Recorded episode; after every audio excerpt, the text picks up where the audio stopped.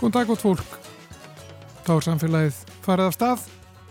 Þennan mánudag, það er komin 17. apríl og við sitjum hér Guðmundur Pálsson og Þórundur Ólastóttir. Já og ætlum að byrja á því að rýna í rannsókn sem skoður upplifanir og líðan seðfyrðinga í kjölfar örskriðana sem að þar örðu fyrir þremur árum. Þetta var náttúrulega mikið áfall fyrir bæin og íbúa þess, um, ótti, ringulreið og óvisa greipu um sig en það fannst líka svona alveg einstakur baratugur, samstaða og segla og kærleikur. Hvaða þýðingu hefur þetta fyrir bæjarfélagið og fólkið? Við komumst að því hér og eftir. Samskip hafa samið um að láta smíða fyrir sig tvö vettnisknúin skip til siglinga og stittri leiðum í Evrópu. Við viljum að forveitnast um þetta og skrefi átt að orkuskiptum í skipaflutningum og ræði við Þórunni Ingu Ingjálstóttur, hún er forstöðumöður markas og samskiptadildar samskipa. Og uh, svo verður málfarsmínútan á sínum stað og Helga Lára Þorstensdóttir, sapstjóri Rúf, kemur svo til okkar með eitthvað bitastætt uh, úr sapninu og ég veit að þetta er ekki bara gamalt, þetta er eldgamalt. Já. Þetta er alveg svona, uh, já. Og gott. Og gott. Gamalt og gott. Alltaf gott. Allt gott úr sapninu okkar. En við skulum byrja á nýri rannsókn um, um líðan seðfyrðinga eftir örskriðunar.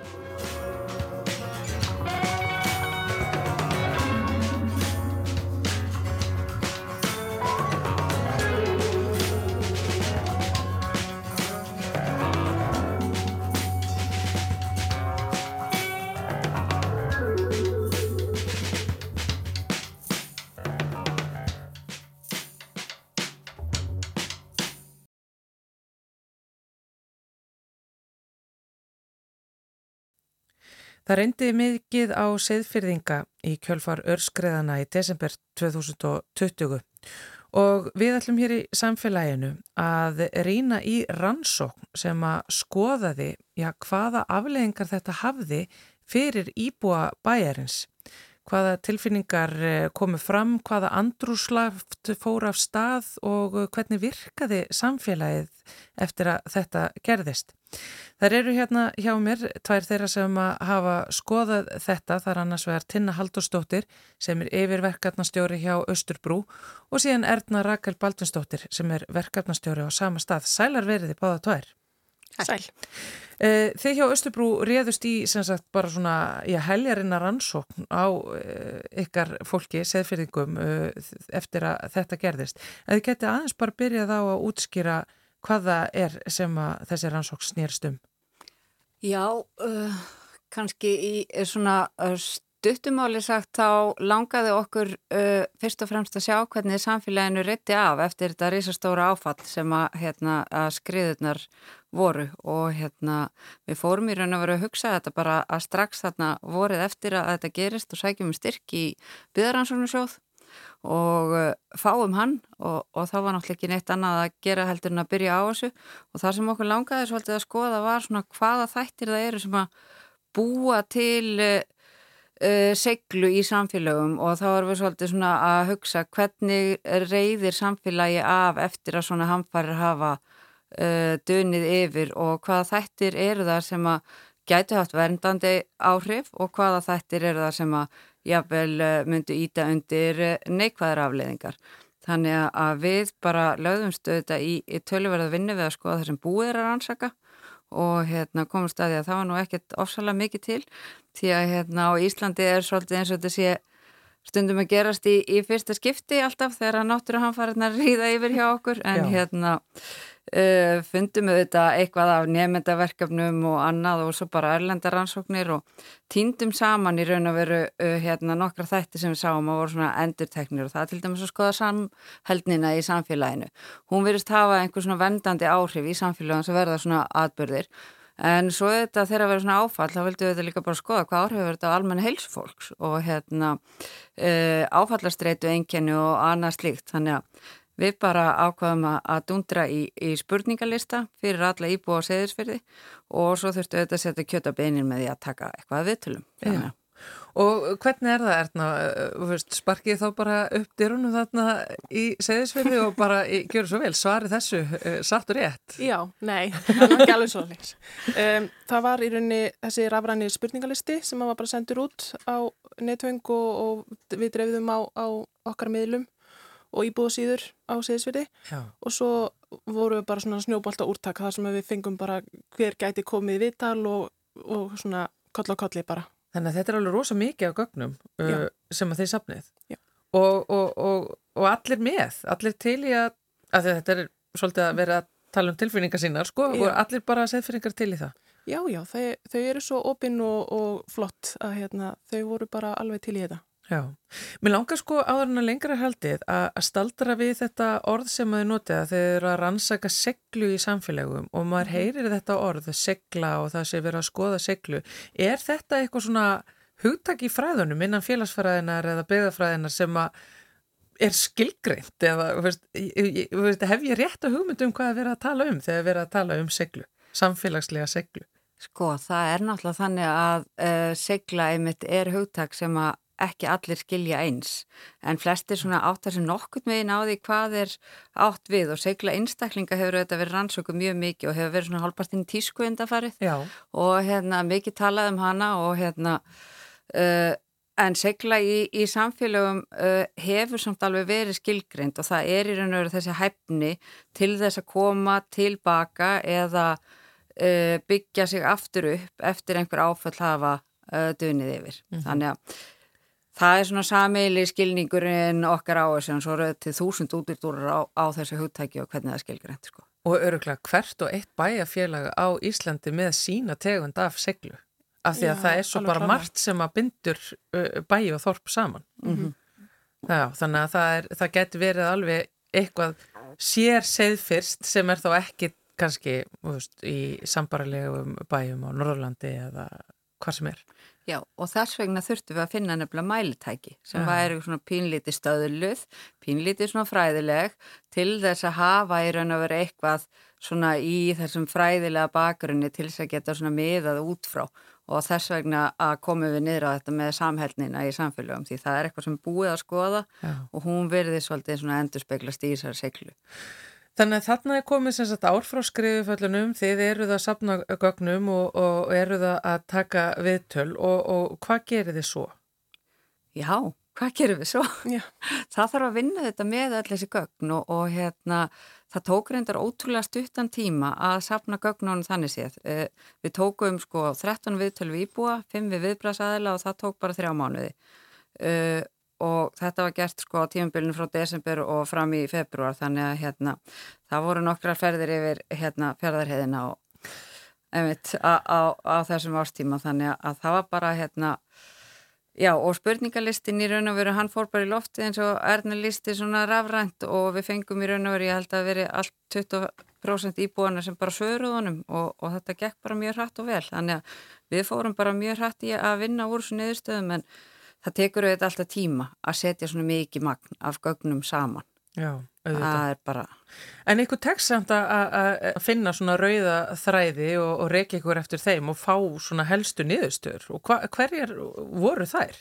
Já, það var aðalega svona eh, upplýsingaflæði í bórtöluðum að upplýsingaflæði hefði, veri, hefði mátt vera betur, betra og, og svona rýmingarnar þar fólk hefði vilja að það væri rýmt fyrr og svona. Já, það er svona eitt af því sem að, emitt stóð svolítið upp úr sko og hérna uh, það er kannski líka gaman að segja frá því að í kjölfæri nefnilega á þessum uh, rannsóknum okkar þá hérna býðst okkur að vera uh, þáttakandi í tveimur Európaverkefnum sem eru reysa stór og annars verður er það verkefni sem að snýst um það að bæta upplýsingagjöf á náttúruvár svæðum Já. sem tíu önnur Európulönd eru með í og svo og verkefni sem að snýst um það að bæta ákvarðantöku uh, hérna yfirvalda og þá sérstaklega á sveitarstjórnastíðinu og búa til hérna eitthvað líkan fyrir það. Þannig að hérna Þannig að það er rosa mikið þarna sem að stjórnvöld þurfa að taka til sín í rauninni sem koma úr þessu niðurstöðum. Geta lært hellinga af þessu. Það er í raun og veru kannski bara að svolítið eh, hérna niðurstaðan í þessu og það sem auðvitað kom líka út að það er rosalega sterk samhældni í samfélaginu á seðisferði sem kannski e, útskýrir af hverju var til dæmis ekki bara e, sko heljarina brottflutningur burt úr bænum, ég minna það fara þarna tíu hús bara hérna út í sjó og, og atvinnulífið er á hættusvæði í bænum, þú veist, eðlilega hefur geta búist við alveg gríðalegum áhrifum á bara, þú veist, íbúa og, og samsetningu íbúafjöldans og annað þarna. En einhvern veginn virðist uh, samfélagið hafa náð sér alveg ótrúlega hratt og hérna við kannski metum það svolítið að það sé þessi mikla samhældni sem er í samfélaginu auðvitað kemur meira til. Það var náttúrulega stopnað sérstak verkefni og kvatasjóður um hérna Seyðisfjörð sem hefur verið hýstur innan Östubrúar síðustu þrjú ár og þar hefur auðvitað verið útlutað uh, fjármagni í verkefni sem ætlað er að styrkja uh, atvinnulífið og íbúana og hérna en svo líka bara hvernig í raun og veru íbúar hafa líka svolítið stíð bara upp uh, og hérna tóku utanum hvern annan á þessu tímabili. Það varð bara til svona samfélagsmiðstöð í félagsheimilinu herðubreið og jáfnvel þó að sko fórstöðukonunar þar hefðu sjálfar auðvitað verið í áfalli þá einhvern veginn sko stíga þær fram og svo með stöðningi uh, hérna sveitarstjórnarinnar að bara halda utanum svona miðstöð þar sem íbúr geta komið saman í langan tíma og eftir og það er matur og það er samtal og, og líka og, á þessum tíma var náttúrulega COVID-19 í fullu blasti og það voru jól líka. Já. þannig að þetta er svona rosalega sérstakar aðstæður sem að mynduðist þarna þegar þessi skriða fellur sko.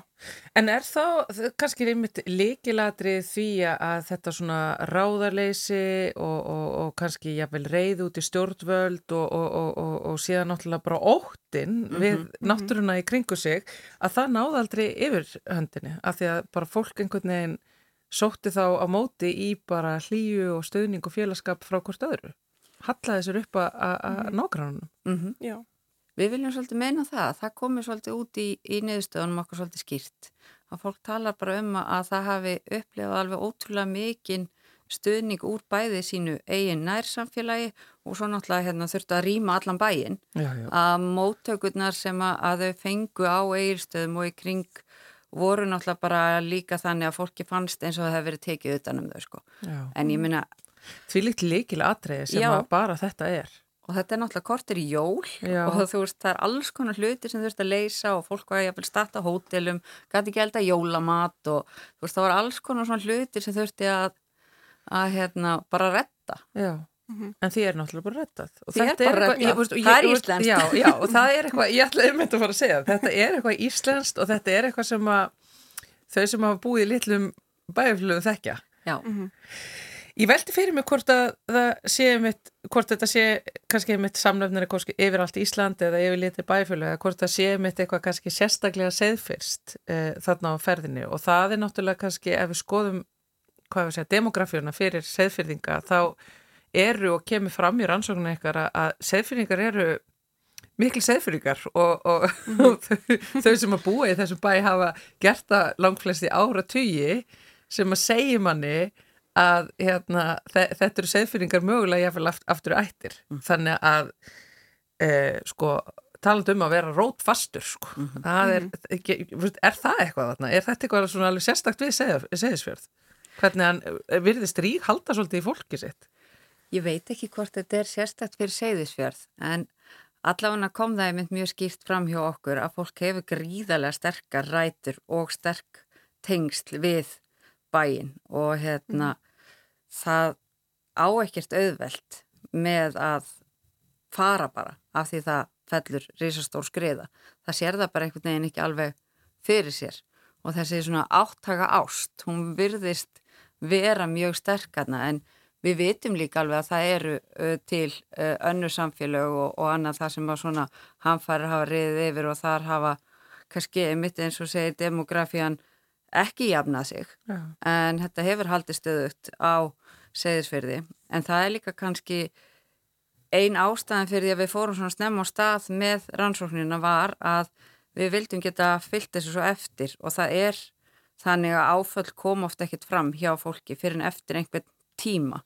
Þannig að við þurfum að mæla aftur já, eftir já. Mhm. svona já, 2-3 ári viðbót og við vitum það bara núna í ljósi hamfaranar sem við örðu í Nesköpstað núna bara að fyrir nokkrum vikum að fólk þar er ennþá að vinna ára áfalli sem var fyrir 50 árum. Þannig að hérna það þarf í raun og veru að mónitora svona og það skiptir alveg rosalega miklu máli að fólk fái áfalla aðstóð og fái upplýsingar og geti í raun og veru unnið með þetta því að það hefur líka áhrif á samfélagið, ekki bara einstaklingin, mm -hmm. heldur líka hvernig í raun og veru samfélaginu reyðir af.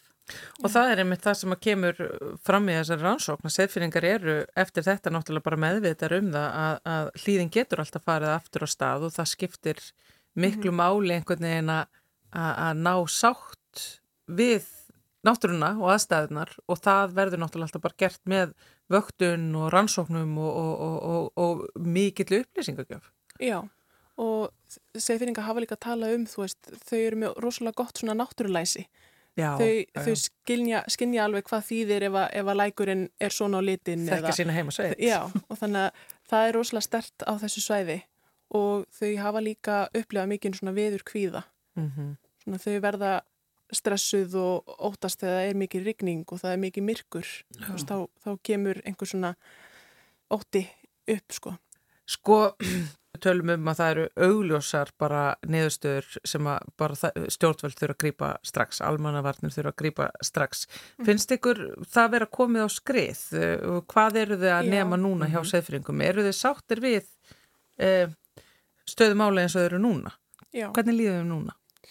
Ég held að það sé bara ósað mísjamt. Sumir kannski upplifa bara að þeir séu að komnir á góðan stað og, og telja þetta að vera bara á góðri siglingu og, og svona heldur já. áfram en annar meðan aðrir eru kannski já, meira neikvæðir út í, í svitastjórn og, og yfirvölda hafa ekki gripið inn fyrr og, mm -hmm. og setur í þeim að það. Já hvaða drósta hérna að fá hættumatið og svo leis. Mhm. Mm Já, já, og hérna er mitt úr uh, náttúru, hann fara sjóðu og annað og það er náttúrulega bara, mm -hmm. við kannski köðum ekkert mjög mikið ofan í það en við sjáum alveg að það er þarna ákveðin hluti, fólk sem hefur ekki fengið úrlöstin að mála já. og hérna það er auðvitað alltaf uh, uh, neikvægt en varðandi að hafa lært af þessu og einmitt, uh, einmitt hvað varðar almannavarnir og upplýsingaflæði og annað, þá erum við einmitt í verkefni núna Európaverkefni með almannavörnum þar sem við erum bara hanna og viðstofunni mm. upplýsingagátt sem að hérna, uh, verður pröfukerð á uh, seðisfyrði og við erum áfram í samtali við íbúana og hérna, Erna hefur verið að stýra því verkefni uh, hérna, fyrir okkar hönd og taka hérna að fleiri viðtöl nýra á seðisfyrið og annað og í samstæri þá við almanvarnir og viðstofuna til þess að vinna upplýsingar í þessa gátt og það er einmitt mm. þetta með lækina og annað það er eitt af því sem hefur komið fram í því að hérna það er að náttúrulæsið að þurfa að ebla það og, mm -hmm. og hérna þannig að ég ætla að vona allavega að seðisfyrningur upplifum eins og við séum að hlusta áfram og reyna að læra af þessu þannig að Já, Já. Og maður ríkar náttúrulega bara að horfa til þeirra því að þó að séu náttúrulega floknar og blendnar og erfiða tilfinningar sem að koma eftir þetta þá er þrautsegjan og seglan og samstæðan og bara kærleikurinn er svo magnað að fylgjast með og hann mhm. hlýrnar svolítið í hjartað yfir því Já, ég held að það sé alveg rétt og það hafi skinið í gegnum viðtölunum. Fólk talaði bara alveg beint um það. Það var bara ást og það var kærleikur og, og það var samhegð og, og þau tóku utan um hvert annað. Og þetta skiptir þetta öllu máli þegar að hérna, eitthvað svona gerist og ég meina í kjölfarið á svona óvísu ástand eins og þegar fólk vissi ekki hvort eitthvað hræðilegt hefði gerst. Ja. Að hérna þau voru strax kominu öll í, í samtal og stuðning. Já. Þannig. Mjög aðteklisvert. Eh, það er hægt að kíkja betur eh, á þessa rannsókn eh, á heimasíðu Östubrúar. Takk fyrir að koma hingað í samfélagi til okkar og við fáum bara fylgjast áfram með áframhaldandi verkefnum og rannsóknum sem þið takið þarna fyrir Östan. Tina Haldurstóttir, yfirverkefnastjóri og Erna Rakel Baldurstóttir, verkefnastjóri báður hjá Östubrú. Takk fyrir að komin í samfélagið. Takk. Takk.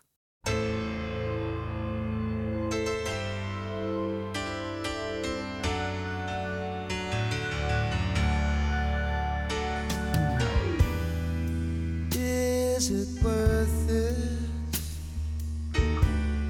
And you into coat and shoes for the wife, and a bicycle on the boy's birthday.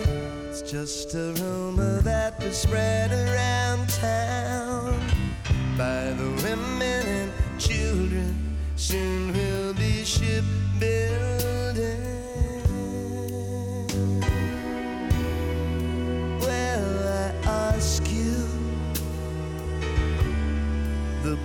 Said, that they're going to take me to task.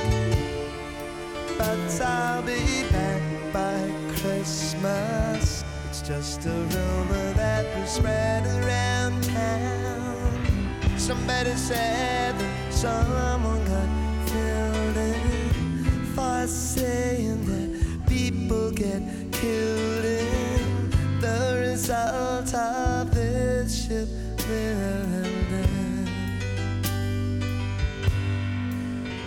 all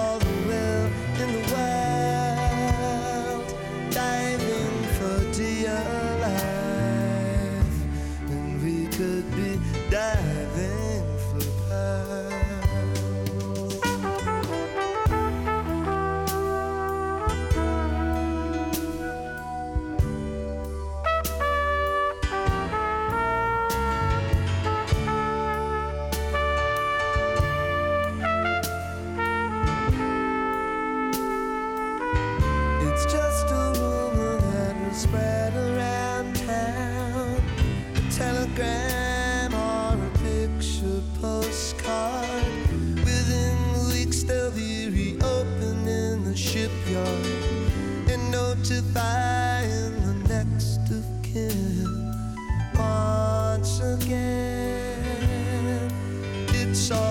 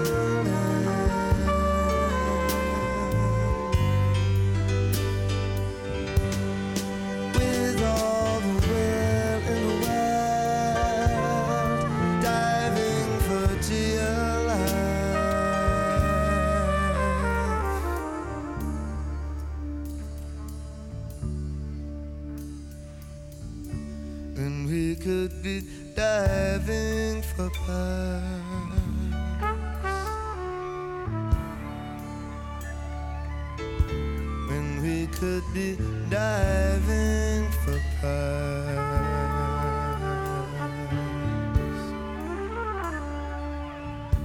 When we could be diving for pearls.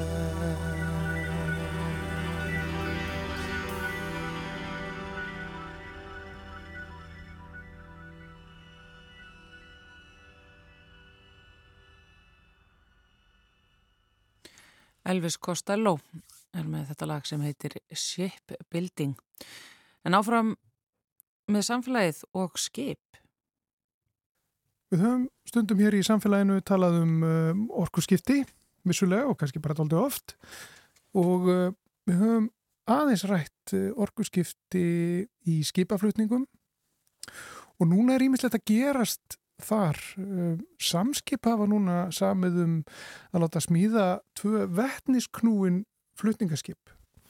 Og þessi skip er að notuð á uh, stittri leiðum uh, í Evrópu. Og þannig að það er ímislegt að gerast í, í þessum málum. Og þetta er allt saman að gerast hratt og það er að gerast núna. Hún er sest hérna hjá mér Þórun Inga Ingjaldstóttir, hún er forstöðumöður Markas og samskiptasviðs samskipa. Og já, undir það svið heyra sjálfbarni sjálfbærnismál og, og verkefni samskipa og umhverjusmáluna sjálfsögðu. Verður velkominn til okkar. Takk fyrir. E, Vettnis knúin skip, þetta er, er eitthvað sem er að gerast e, hjá ykkur. Þið eru að, að, að láta smíða fyrir ykkur tvö skip reynilega. Já, algjörlega. E, sjálfbærni og umhverjushugsun er algjört leiðastef í allri starfsemi samskipa og sem var meðal fyrstu fyrirtækjum til að setja sér markvisa umhverfis og samfélagsstefnu. En uh, fluttningar eru auðvitað nöðsynleir, allstaðar í heiminum, sérstaklega eins og Íslandi. En til að draga úr umhverfisáhrifum starfseminunar uh, hafa samskip sett sér alls konar mælanlega markmið og greipi til markvisleira aðgerðar. En ég veit ekki hvort þið eru alveg meðvitið um það, en við erum með skrifstofur í 24 löndum í Evrópu, Ameriku, Asju og Ástralju og erum með fluttningaþjónustu á landi, sjó, lestum og í flýji. Við erum með mjög skýran fókus á kostnarhagkvæmni, áræðanleika og umhverfisvæna lausnir. Og ég erum þar að leiðandi alveg afskaplega stolt af þáttöku okkar í þessu sísjöldlu verkefni og hlökkum mikið til að taka í nótgun ný og, fullkomin vettniskip á þessum skemmri siglingarleiðum í Evrópu allavegna til þess að byrja með. Mm -hmm. og, og af hverju vettnið? Er það, er það, það hefur ímislegt annað verið nefnt Um, að koma til greina sem orkugjafi uh, í, í, í flutningum í skipum. Algjörlega. Og hérna það er margt, margt uh, það er náttúrulega verið að skoða mjög margt en vettni er það sem var fyrir valinu í þessu verkefni. Og við erum að vinna þetta verkefni með hérna uh, norskum uh, þróunarsjóði sem við hefum fengið stóran styrk úr en sá stuðningu sem hefur komið þaðan nefnur 150 miljónum norskra krónaður um 2,2 miljardum og hérna og það eru það er unnið í, í nánu samstarfi við Naval Dynamics í Norri sem er að vinna í hönnuninni og síðan mun Coaching Shipyard á Indlandi smíðaskipið. Og er þetta tækni sem að uh, er tilbúin eða er þetta partur af þróuninni er sko er ennþá, þróunin ennþá eigir sér stað? Er verið að útbúa e, þessar lausnir ennþá eða er þetta bara klára pakkin tilbúin? Já, þetta er þróunarverkefni sem við erum í, algjör, alveg klárlega og þetta er náttúrulega nýsköpun og, og þróun og hérna en við erum komin á þann stað þegar við spyrjum tæknum tilbúin já, hún er tilbúin í dag til þess að geta samið við fyrirtæki um að byrja smíðaskipin mm. það er stór partur það er mjög stórt skref að komast ánga. Þetta eru svona stittri leiðir til að byrja með, ekki satt? Jú, sko skipin eru, þetta eru sérst fullbúin vettniskip og þetta eru þetta, uh, þessi skip eins og þetta sem að umræðir eða þessi sem umræðir núna fallaði flokk svona smarri gámaskipa og, og þau eru notið á svona skemmri siglingarleiðum og þau bera hvort um sig um 620 TSA eða gáma einingar. Þannig að, jú, til þess að byrja með. 620 gámæningar. Það er lítið? Það, þetta eru minni skip. Þetta eru minni skip heldur en við erum til dæmis að nota hérna á Íslandi. Já. Í okkar flytningum, já. Já. Þetta er svona kannski þá fyrsta skref í, í þessi áttu eða hvað? Algjörlega. Og þetta eru eins og ég segi, bara mjög markileg skip út frá nýsköpun, hönnun, hafkvæmni, umhverju sjónarmiðum og hérna og og passa alveg, með þessi fjárfesting passa bara alveg fullkomlega inn í, inn í stefnu fyrirtækisins þar sem að sjálfbærni hefur verið sett inn sem hjartað í, í stefnu fyrirtækinu og einn af svona stefnu stólpunum hjá okkur. Já, getur sagt okkur aðeins meira frá því þá? Hver er svona stóra hugsunin hjá, hjá samskipum sem er stórt flutningafyrirtæki eins og þú segir starfar við um heim og, og er að flytja bæð og sjóvolandi og, og lofti mér sér líka? Algjörlega. Sko, eh, ef við byrja kannski bara aðeins á hérna stórumyndinni sem er samskip þá glóbal og, þar höfum við verið á sjálfbarnum vegferðin mjög mörg ár og sem dæmi um fjárfestingu þá er árið 2014 þá kaupir fyrirtæki Lestar Terminal í Dúsburg og hérna með þessum kaupum að þá styrkir fyrirtæki en þá frekar undir stóðir sínar þegar kemur á fjöldþáttaflutningum. Nú spyr þú kannski, mm. hvað eru fjöldþáttaflutningar? Ég skal bara gera það. Hvað eru fjöldþáttaflutningar? Einmitt, hvað eru fjöldþáttaflutningar? Það er hérna Það er það sem að, að samskip er að gera í Evrópu. Þar eru við að bjóða upp á fjölþáttaflutninga, þar eru við við. Við erum með skip, pramma, lesta og trukka og, og erum að bjóða upp á þessa valmöguleika fyrir viðskiptafinn okkar að flytja vörur á sem hafðkamastan hátt þegar kemur að uh, losun. Og þetta er ekki bara að læka kólumsfótsporið heldur eru þessi fjölþáttaflutningar líka að auka öryggi og minga ála á vegum í Evrópu. Við erum að færa vörur af vegum inn í lestar og bramma og nota vatnavegi í staðin. Þannig að þetta er svona eitt dæmi að við erum að tala um aðgerð sem fyrirtæki hefur farið í svolítið langt aftur í, í tíman. Árið 2011 þá er líka hérna kaupa sagt, samskip eh, fyrirtæki sem heitir Fríkókjær, það eru kæligemslur Uh, síðan árið 2016 þá er farið í það að, að setja upp stærstu sólasælur í Rotterdam á þakki á þessum kæligemslum og, og þetta eru dæmi bara sem ég er að nefna til gamans um svona flott frumkvöla verkefni sem tengjast inn í sjálfbærnistefnu samskipa svolítið langt aftur. Þannig að mér er svona gaman að, hérna, að útskýra það. En En fyrirtækið hefur marka mjög skýra stefnu þar sem sjálfbærni er algjörlega öndvegi og sett sér skýr markmið og metna full markmið um að lámarka áhrifi sín á umhverfið. Og meðal annars eru við með það markmið að vera nett náttral árið 2040. Eh, samskipa samstæðan eða samskip glóbal eins og við tölum oft um það hefur staðið svo sannlega við stóru orðin og náð eh, mjög flottum árangri á undanfyrir tveimur árum En mér er líka gaman að nefna kannski sérstaklega hérna í þessu samhengi að við hefum líka náð svakalega flottum árangri hér á Íslandi.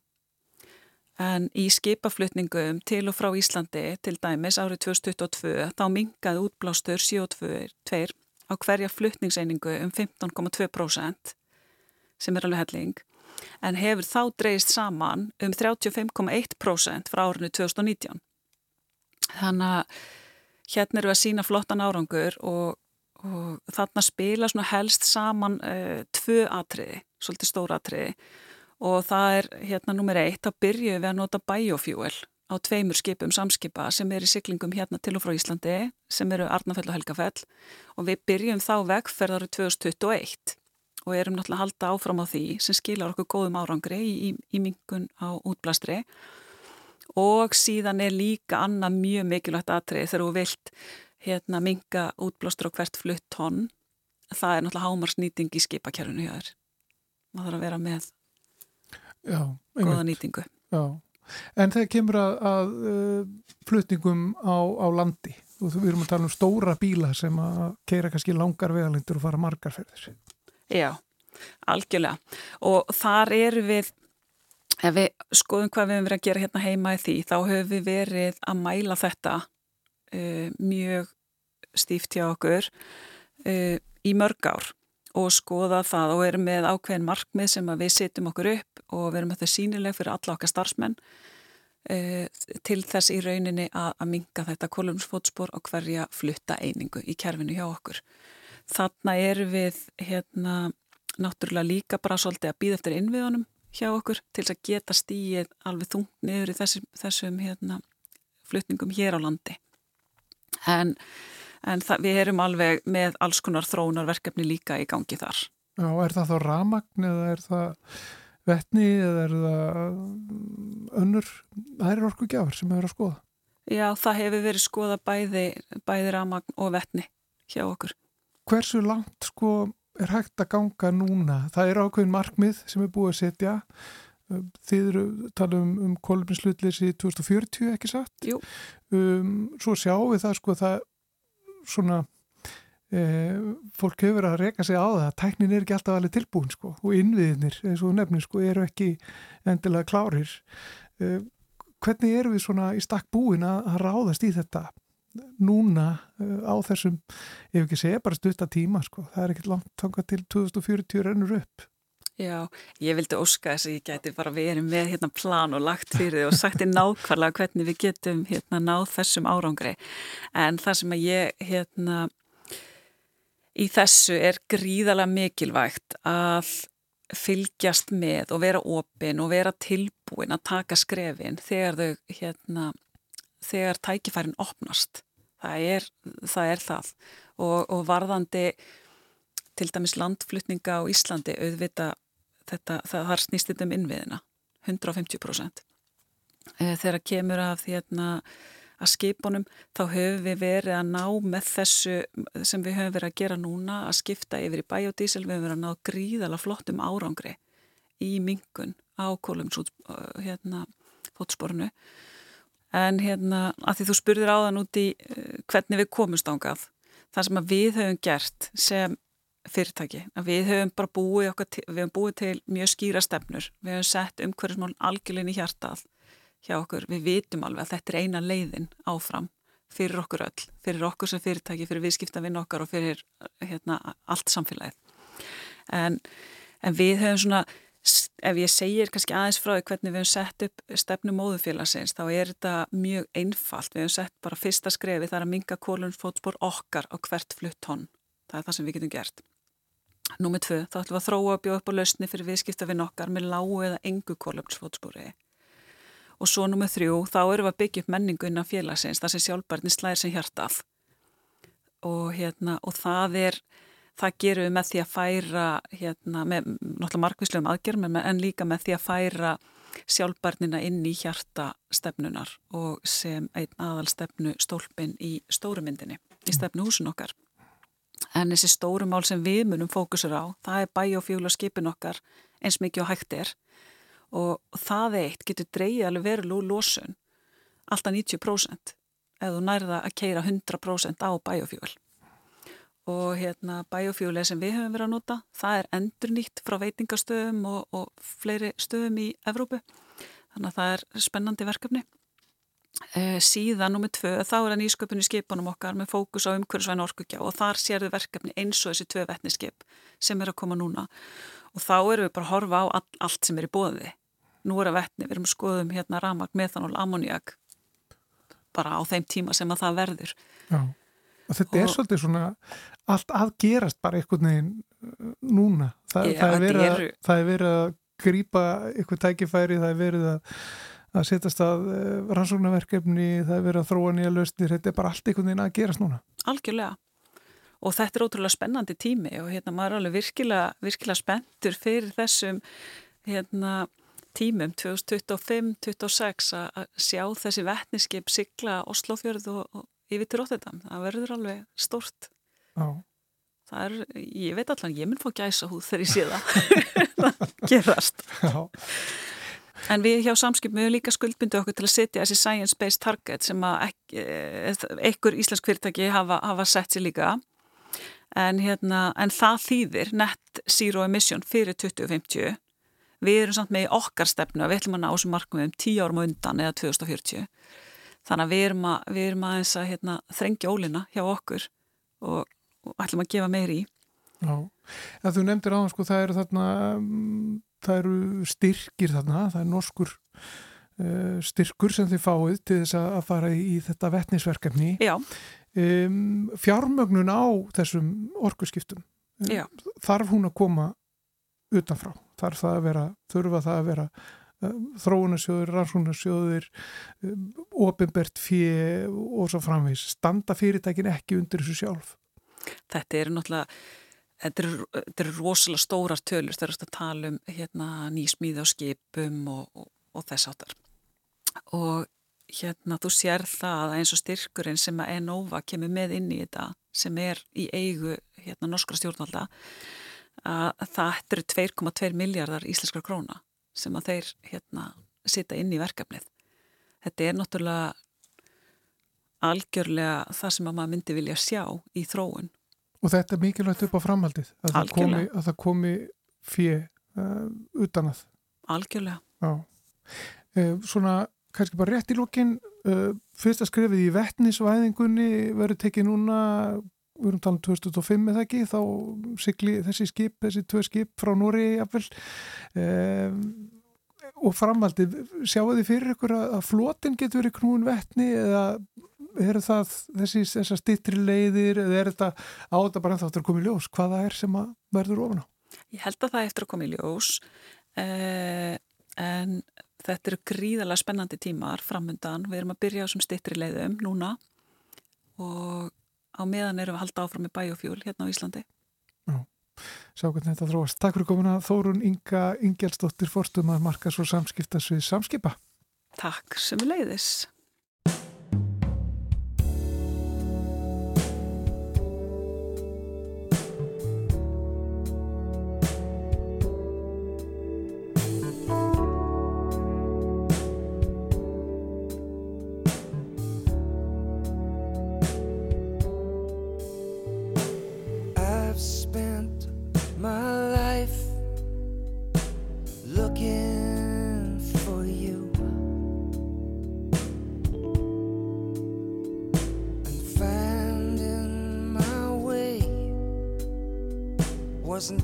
easy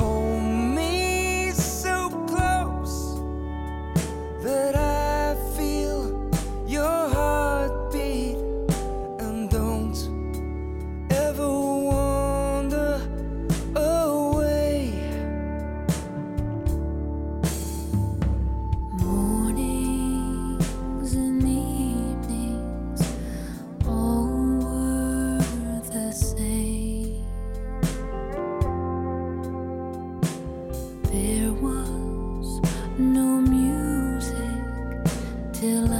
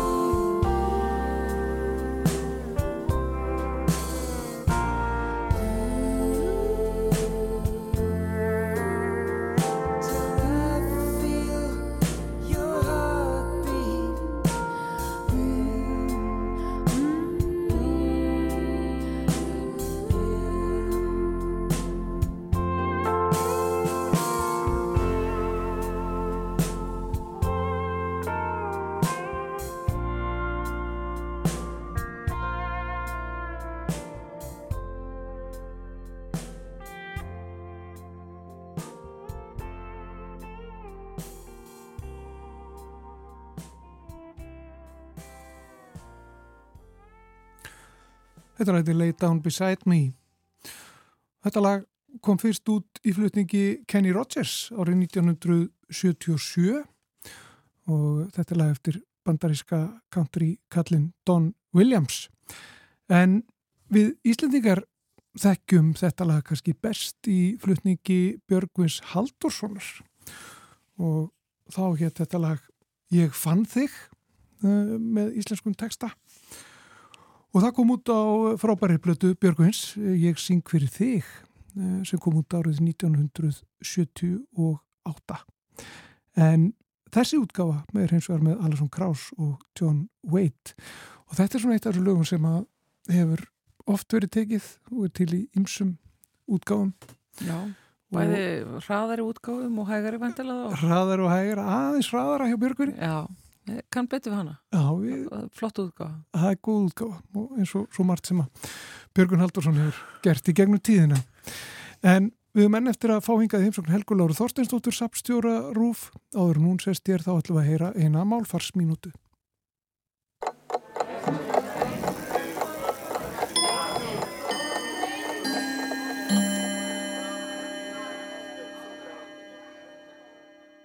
Sésilong er húsgagn sem Íslendingum fór að bjóðast um aldamóti 1900.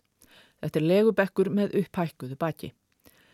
Til að byrja með var hann kallaður Sésilong og má ætla að danska orðið hafi fljótt lagað sig að íslenskum framburði, en það breytist rítátturinn með tímanum og varð íslenskari. Hann hefur þó verið mjög á reiki í gegnum tíðina og húsgagnið er ímist kallað Sessalon, Sessalón, Sessalong, Sessilon, Sessilón eða Sessilong. Hvort orðið er í karlkinni eða kvorukinni verður ekki dæmt um hér.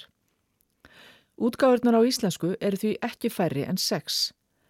Auk þeirra hefur danska útgáðan, Sjesilong, alltaf skotu upp kollinum af og til og líka svo enska, Sjeslounge, að óglemdri henni upprunalegu frönsku, Sjeslong.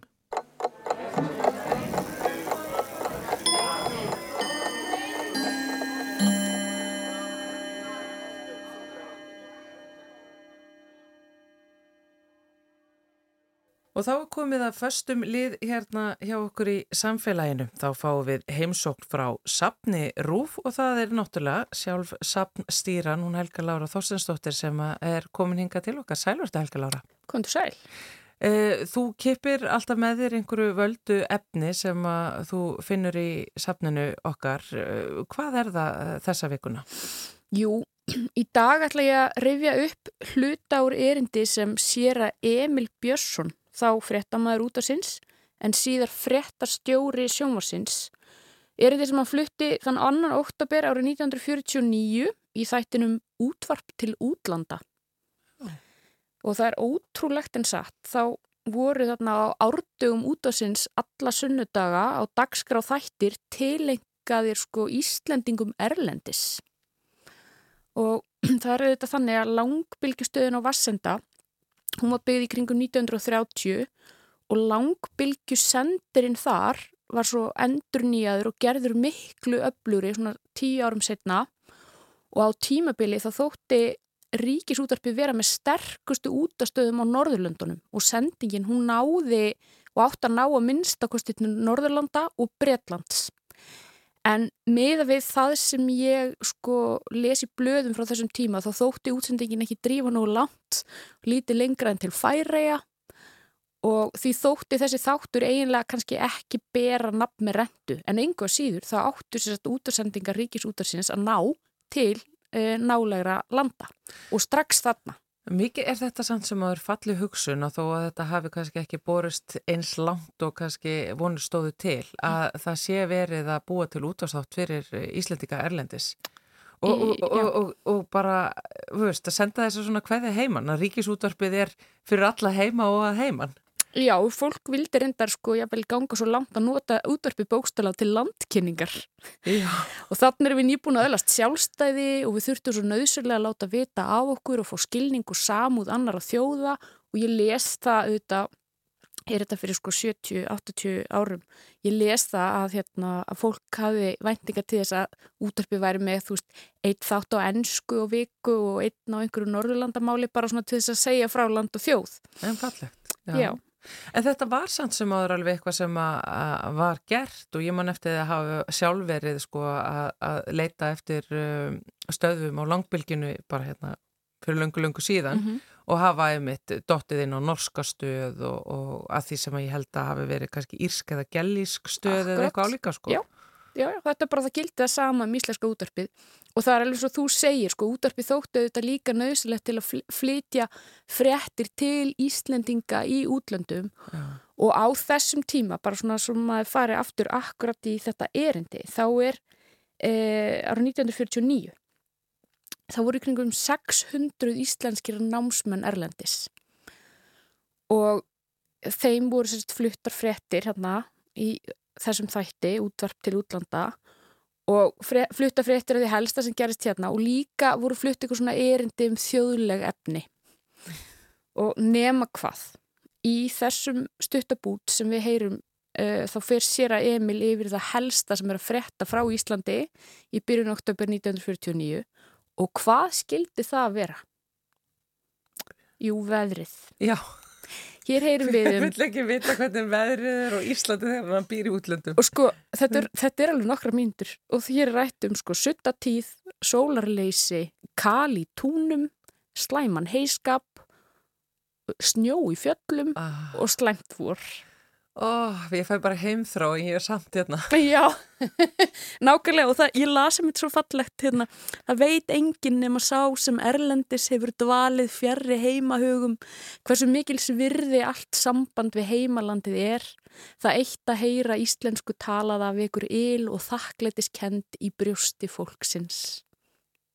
Ég bara hverju orði sannara. Mm -hmm. og einmitt, e, ótrúlegt er sagt að þá getur maður að fara að sakna íslensku súldarinnar þegar maður er búin að dælja langur dölum erlendis, ég bara geti staðfesta mm -hmm.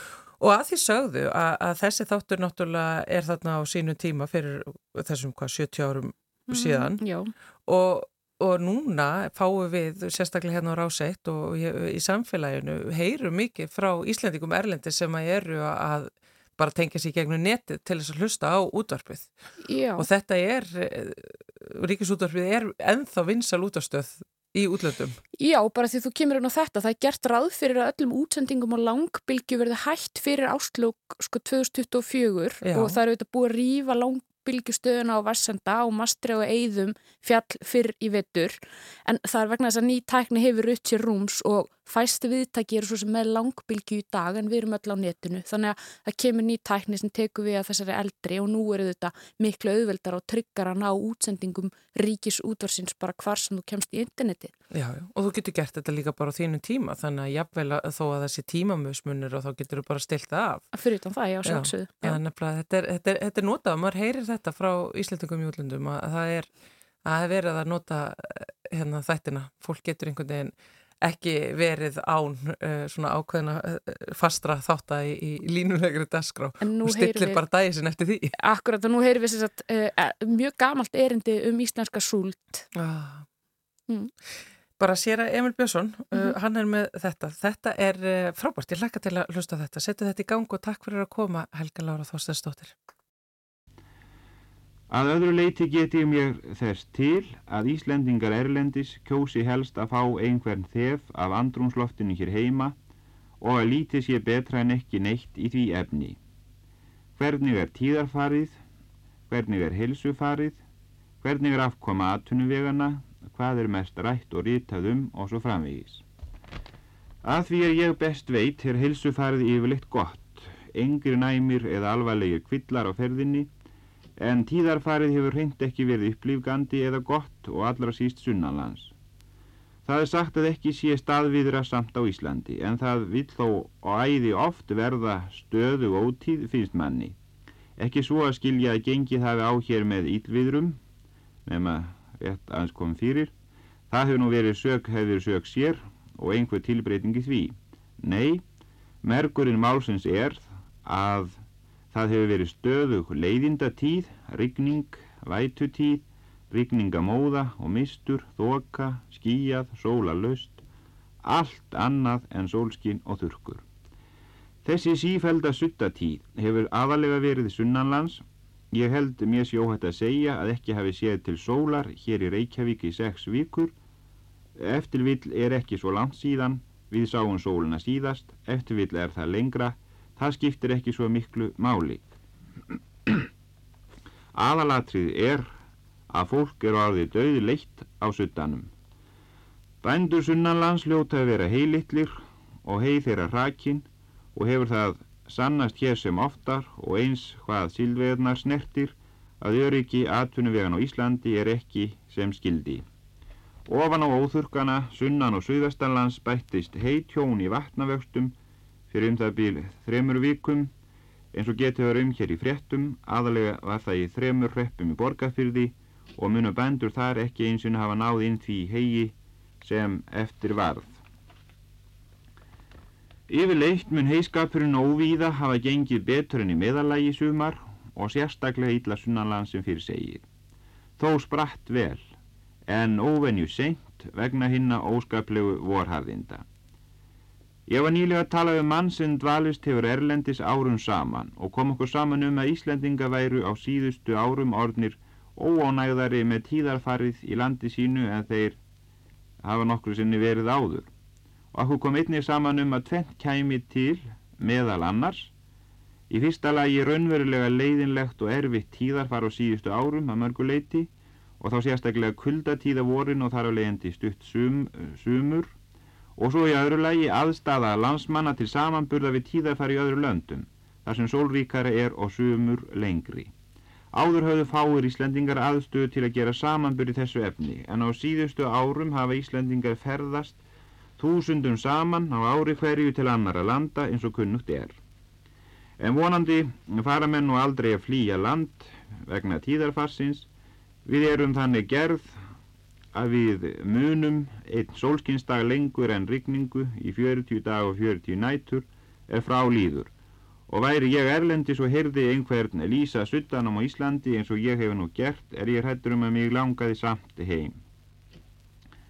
Síðustu sólarringana hefur snjóað í fjöllvíða um land og orðið alhvitt niður á sjó sumstaða fyrir norðan. Og ég talaði um mann sem flög milli Ísafjörðar og Reykjavíku fyrir þremur dögum og hann sagði mér að snjór hefði leigið á öllum fjallgörðum sem flóið var yfir. Já, hvernig fannst þetta Guðmundur? Skemmtilegt. Þetta var uh, svo uh, mikið úr fortíðinni Emil Björnsson þarna, að uh, segja Íslandingum í útlöndum frá því hvernig veðri var. Þetta var fyrir 70 árum og við erum enn svo litið að gera þetta. Já, já. Meina, veist, og það er ekki að því að við séum að segja Íslandingum í útlöndum þarna, því að Íslandingur útlöndum eru með Íslands veður á heilanum þó þau sé ekki eins og í þarna. Já. Þetta er, er það sem allir spyrjum. Það er rétt. Hvernig verður heima? Já, hvernig verður heima? það er útlöndum. Það er bara súlt. Ah. Uh, hvernig er þér? Frábært. Það er bara sól og blíða. Hvernig er þér? en Þóruður Ólastóttir, við komumst ekki lengra með þáttinn í dag. Svo mikið, víst Guðmundur Pálsson. Eh, annað sem er víst, það er að við verðum hér aftur á morgun á sama tíma, millir klukkan 1 og 2. Heyrust þá. Verðið sæl.